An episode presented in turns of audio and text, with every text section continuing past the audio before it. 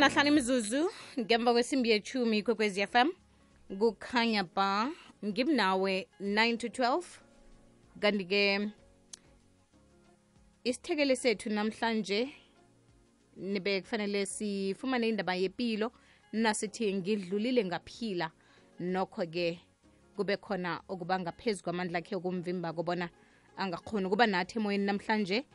Kodwana-ke lithuba lamnawe lokubana sikhuphe lokho kusesifubeni ngoba omunye nomunye umuntu ophilako ephasini unendaba yakhe angazi kokhunye bona angayibeka njani namkha angayikhuluma nobani. Kodwana ngokuzwa omunye umuntu akhuluma bese uyabona nawe bona mbala kuyaphileka ngokuthi umuntu akhulume achaphuluke nanyana ungafuni ukuveza bona ngubani kulungile. Ikani nawuza kubhodla namhlanje bese ngelinye ilanga nawe uyatsho ukuthi ukukhuluma kwangisiza ukhona ukusiza nomunye umuntu. Ikwekwezi fm kukhanya ba ku-079 413 uh, 2172 kukulapha ungangithumela khona iwhatsapp uh, voice note namkha ungidosele ku-086 112 0459 hayi zuzu ba kuba hloka igama kwanje. Zuzu nami ngingomunye engingasho ngithi ngindlulile ngaphila. 2009 September I was raped Zuzu. Then 2010 ngangena esibhedlela diagnosed with TB HIV kodwa naku namhlanje Zuzu I'm still standing. Ngomusa kazimu I'm still standing. Ngaba mfishane kanjalo Zuzu ukuthi nje kuko konke akukho okungandluli. Kona akundluli ukuthi kuyandlula Zuzu but sifunda ukuphila nako ubuhlungu. Cause nalabantu abangirepa azange babanjwe. Till today ngisaphethe leyo case number mangenza ama follow up. Amaphoyisa labo aphethe leyo case transfer amanye aresign into ezifana nalezo nje. Kodwa ngiyathokoza zuzu kuthokoza mina dadewethu ngokuthi wabelane nathi sincancabeze um ngokuzwa indaba ibuhlungu kangaka. Nokuthi utsho bona akupholi akutsho ukuthi kuyadlula vele sikhohlwe kodwana kuba yinto esifunda ukuphila nayo. Hmm. Ikwekwezi fm kukhanya bangi mnawe 9 to 12 ilithumi nobunane mzuzu ngemva kwesimbi yethumi ikwekwezi usemoyeni lotshani? Lotshani? Akwande zuzu. Akwande baba. Akwande zuzu. Akwande baba. Oh ngibawa nasingenako emoyeni nokho um sivale umrhatsho sikhone ukuzwana kuhle wathinta abafazi wathinta imbokotho sikubulo somtshakalo owenziwa ngokuthula kodwana umphumela wawo waletha amajuguluko kibo bonke abomma benarheni yekhethu. Namhlanje si-itshimalango 1956 ligidingwa ukuthabela ukukhumbuzana ngendaba ezithinta abantu bengubo ekhethwapha ne-afrika abomma basakandelelekile ngokwamalungelo ngamathuba ngemisebenzi ukusahlelwa nokubulawa. Isewula afrika njengephasi lonke iqale ukubujukulula ubujamo bokungakafiki u-2030 hashtag phakama mma. Hayi zuzu igama ngudelesile ngihlala khona la espring sethema zuzu nami ngizothi ngindlulile ngaphila. 2018 zuzu ngangikhulelwe zuzu. Sengina 8 months zuzu ngibhonde naloyo mntwana zuzu. Ngamthola eshonile. Ngathola i-stillborn zuzu. Loko kimi ngihlala ngicabanga mihla namalanga zuzu kunzima kubuhlungu kakhulu. Hayi ngiphilile ngoba nangonkulunkulu ngo-2019 wangiblessa futhi ngomunye umntwana uyaphila zuzu. Una-two years ngiyabonga zuzu. Ngidlulile ngaphila. Sinomuntu owabelana nathi ubuhlungu nobudisi adlule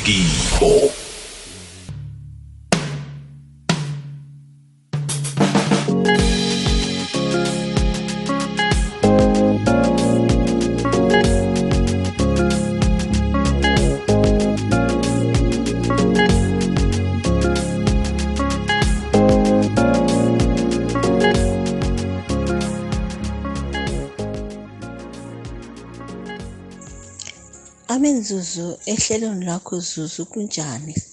Siyaphila nami. Zuzu mina ngingumama. Umama nje washada sisemncane. Ngingena emshadweni indaba yami ebuhlungu Zuzu. Ngabonakala ngingena church. Ngingena emshadweni kodwa ubaba wami Zuzu yena wayengithanda mangakhulumi amanga.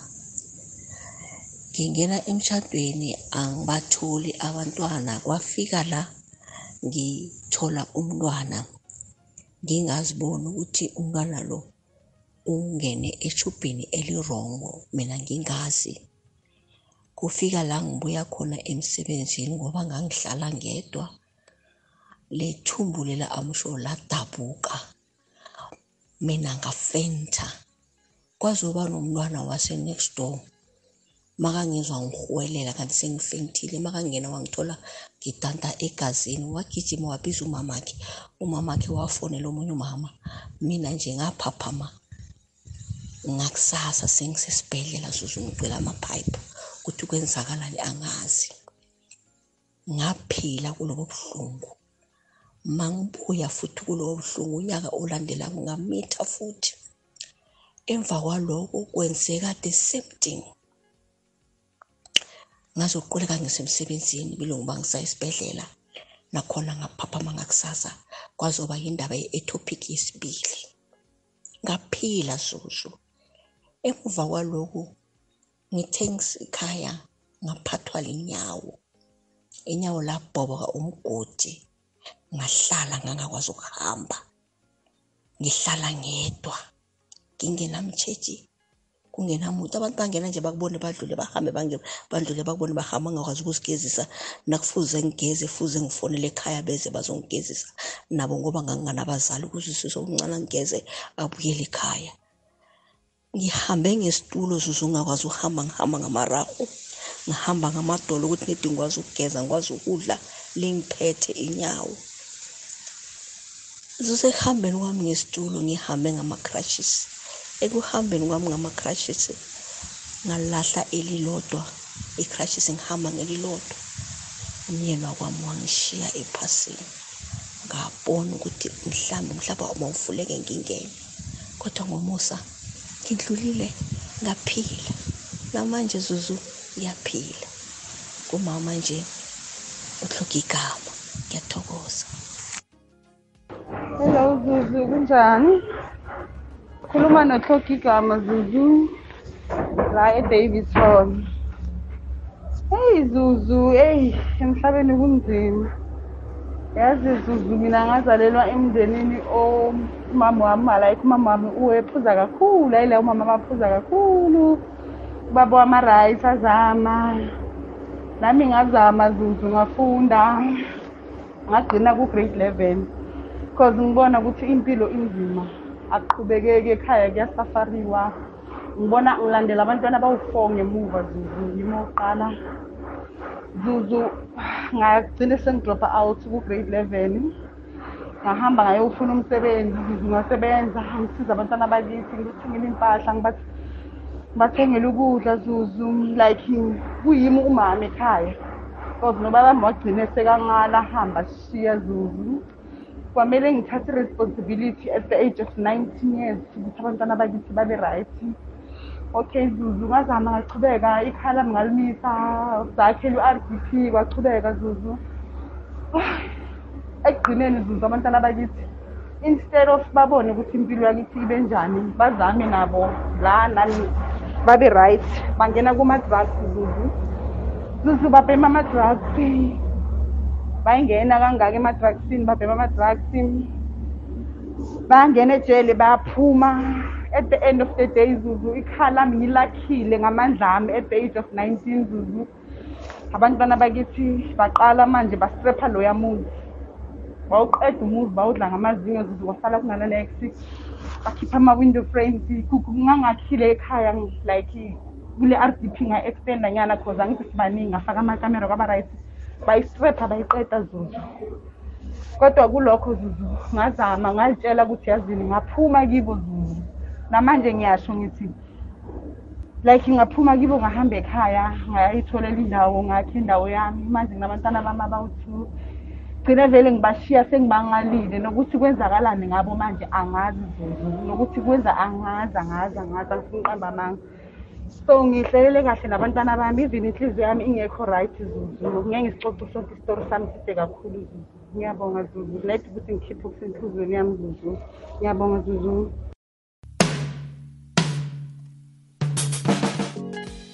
Ilithumi nethoba imzuzu ngaphambi kwesimbi yethumi nanye ikwekwezi yafam kukhanya ba. Ngimnawe 9 to 12 sithi ngidlulile ngaphila sizwa indaba ezihlukahlukeneko. Kukhona mhlambe othina umzwako akhuluma uzwe kwanga ucoca indaba kungombana vele ipilo injalo sihlangabezana nezinto endleleni kodwana siyakuhamba asibuyele emva asithi awakuyabhala bese sithathe ipilo yethu kodwana-ke sifuna ukufika lapha siza kuthi khona ngidlulile ngaphila kwekwezi FM kukhanya ba Hello Zuzu. Nami nginguhloka igama. Ngidlulile ngaphila 2017. Ngabanjwa ubulwele be-depression ne-anxiety. Ngincaya abantwana bendoda ekade bangihlukumeza. Indoda ingabakhalimi. nangithi ngiyakhuluma ubababo athi ungaphika nabo basesebantwana. Ngikhuluma ngomuntu ona-22 ngikhuluma ngomuntu ona-15 ngikutshela ukuthi izuzu ngathi nangithoma ukusela amapilisi lawo bengimunyisa ngimunyisa umntwanami umntwanami anonyaka. Ngonda ngaphela emzimbeni. Ngathi nangithi ngibuyele ekhaya ubaba wathi ngingamcalisi ngabantu. Kose ngibuyele la ngi- la ngivela khona emendweni. Ngikutshela ukuthi zuzu ngiphila ngamapilisi lawo sola kwa-twenty seventeen tot nje. Nangingakabaseli ngivele ngibe yintwenye ngihlangahlangane ngi- angeze wangithanda nangingakabaseli. Ngisela wekuseni ngisela webusuku mara konke lokho ngikwamukele. Still ngisahlala la ngihlala khona. Nabantwana ngisahlala nabo. Net ngikudlulisile lokho.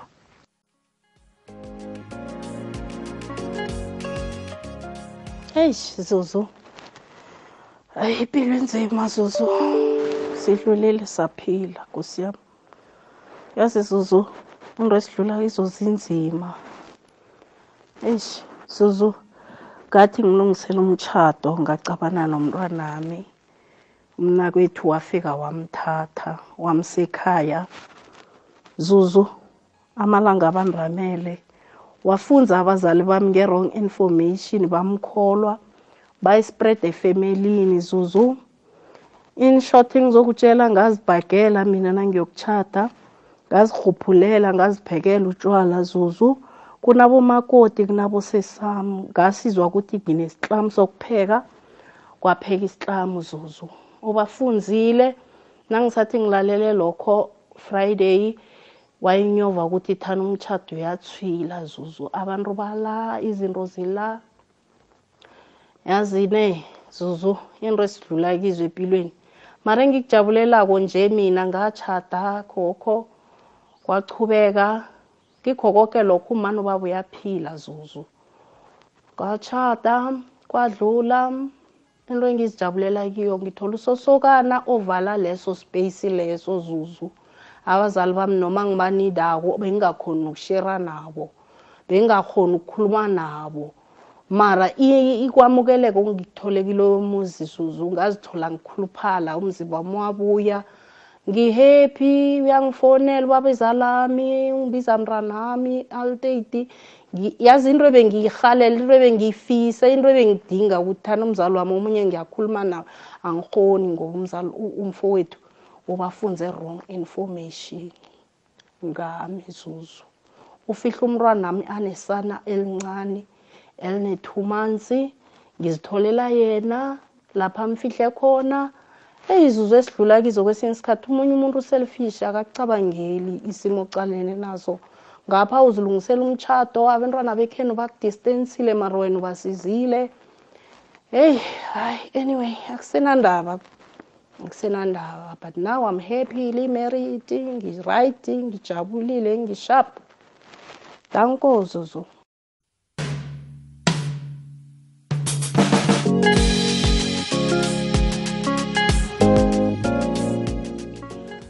sese ngiye ngawa ngaphinze ngavuka. Ngumaseko lokhuluma naye. 2009 ngahlekelwa ngumkami wangishiya nebantwana lababili wekucala bekana 10 years wesibili ana 8 months. Kwaba madima ngathi dududa ukuthi makwami ukhona. Kungakadeleli nje 6 months angakapheli wamake naye washona. Impilo yaba madima kakhulu. Kwaze kwafinyelela ekutheni uhambe babe uhambe sesi uhambe nebantwana basekhaya ababili iminyaka ilandzelana kwathi ngo-2016 ngagula ngawohlala esibhedlela for six months ngabuya ngabuya kwagulelwa ngilo mntwana lomkhulu simo saba sibi kakhulu. Kwabuya ngaphila ngancenga kwathi nyalo ngo-2021 ngathatha lo mnye umfati ngathi oh no sekusikhathi sokuthi ngithathe umfati.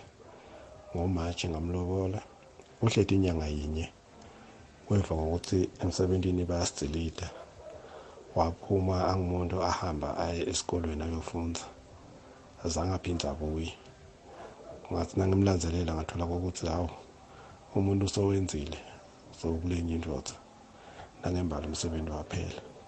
Kodwa naku usolwa nginemandla ngiphilile ngithi kubantu akabe ngilapho omunye nomunye wethu. Akabe ngumuntu lodiphako esikhathini sesigcwele ukuthi unkulunkulu khona futhi uyakhona ukugcina uvikelekile. Nangimina ngiyaphila. Hi Zuzuzwana. Momix X lana. Ngindlulile. Ngaphila. Ngoba kungumusa. Nothando lukaNkulunkulu kuphela nje e- e- elenza ukuthi umuntu abe yilo muntu anguye namuhla. Story sami shortly Zuzu 2017 I've been raped on the 17th of November. After that ngaqala ngangabi lo muntu ebenginguye since that time until last of last year whereby ngaphathwa i-depression not knowing ukuthi lento iyangidla. But into engiyijabulelayo umuntu wangirape nanoma iqala azange layaphi washona. Is where I did find i-closure so i-depression yangiphatha. I'm so grateful ukuba nomama onjengalo nginaye ngoba nguye owangi-pick up-a wangihambisa ama-session we-counselling ngaphola so ngindlulile ngaphila Zuzu. Danko sesizuzu ngidlulile ngaphila. Ngo-2006 ngakatwa ngumuntu bekahlala nodadewethu. Ngathi nangithi ngihamba amaphoyiseni ngizitshela udadewethu uyangihelebha kanti akangihelebhi uzwelana nomuntu lo. Shuthi umuntu lo wamtshela wathi mina ngimi engamsukelawo ngathi nangizama ukungichazela udadewethu ukuthi hayi umuntu lo unamanga wangibamba emangweni sona so udadewethu wakholwa umuntu lo zuzu. Nje bachadile bahlala bonke zuzu. Angikhoni nokuvakatsha kwadadewethu ngesibanga sokuthi angikhoni ukucalana nabo. Noma bezile ekhaya zuzu ngikhetha ukuthi i-weekend leyo nabathi bayeze ekhaya ngiziphumele ngikhambe ngokuqeda isikhathi samoya.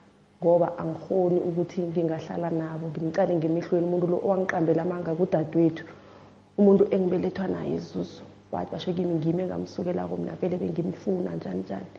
Kubuhlungu zuzu ngidlulile ngaphila mara angicoli zuzu ngoba angikhoni ukuya kwadadewethu noma bavakatshile ekhaya angikhoni ukuthi ngingahlala nabo isikhathi eside ngoba kubuya le nto le umuntu lo ayifake engcondweni kadadewethu emamanga. Ngiyathokoza zuzu. Ngiyihloga igama ngapha ngemehlelberg hello.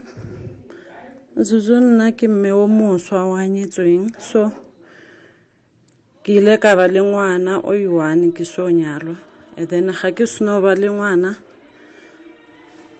ka nyalwa ke fetsa o nyalwa. Ka ba ke zama gore ke a ima gape but ne ke duletse ke raya di-miscarriage up to three times. So ke rile ga ke seno ke raya di-miscarriage sister. Ko tleliniking mo ne ke tsamaya a mpotsa gore why ke duletse o zama go ima ke tlo šwa. Ka šia ngwana o i-one o ke na leng le ena and o sure gore mo ke nyetsweng ke gatelelwa ke mamazala. So ka mmotsa gore wa mo thoma motho wa batho ebile ga teng. A re o dirile pila a šwa ka gore ba na le kgatelelo batho bao. Okay ka feta moo. And then modimo a nkaraba ka kry-a ngwana. Ga ke seno kry-a ngwana uh o godile maybe o bile le two years three years and then ka ba ke ima gape. So ga ke imile gape ka find out gore ntate wa jola gona mo gaufi le mo gae mo re dulang. Ngwanyana o tseba pila ka nna. So ngwanyana o ka tlo bona message o phopa mo founung ya ntate a dira joke gore ga re nna ke mosadi ke mosadi ka eng ka gore nna nna ke kry-ile di-miscarriage as if ke choositse gore nna ke kry-e di-miscarriage gore ne e le fault yaka ntho eo e botlhoko ke gore ke mengwaga ke o bone message o but ga ke fole moyeng wa ka zuzu gore mme o mongwe a ntshege ka ntho e leng gore le nna ga ka ikgethela yona. Go botlhoko mara ke sure gore le yena maleng modimo tla bolela le yena a kgone go ipona phoso ya gage gore ntho ya e dirileng go nna a ratane le ntate a tseba gore ke teng. Ga fetsa a ntere joke gore nna ke kry-ile di-miscarrage e sefo nna? Ke tekgethetse gore ke kry-e di-miscarrage le no pelo ya ka e sa le botlhoko ka bana ba ba fetileng. So no yena o e dira joke gore ke joke. Ka gore yena maybe o special a ka se bone bothata boo. A gone taba i wish modimo a ka nthuša ke fole moyeng ke sehlele ke ba le segopi ka tabeng le ge e le gore go ima.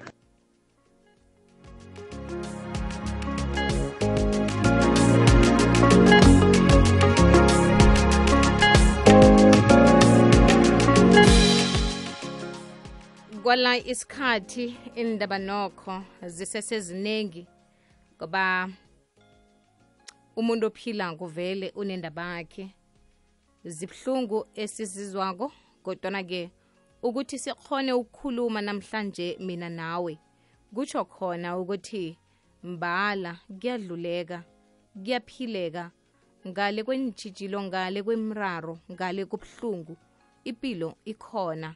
Siragele phambili senza njalo siqinisana singalahleli ithawula mna nawe singathathi intambo singasela amapilisi kodwana-ke ipilo le silwe nayo sibambisane yona vele ifuna njalo. Kwekwezi fm kukhanya ba ngimnawe 9 to 12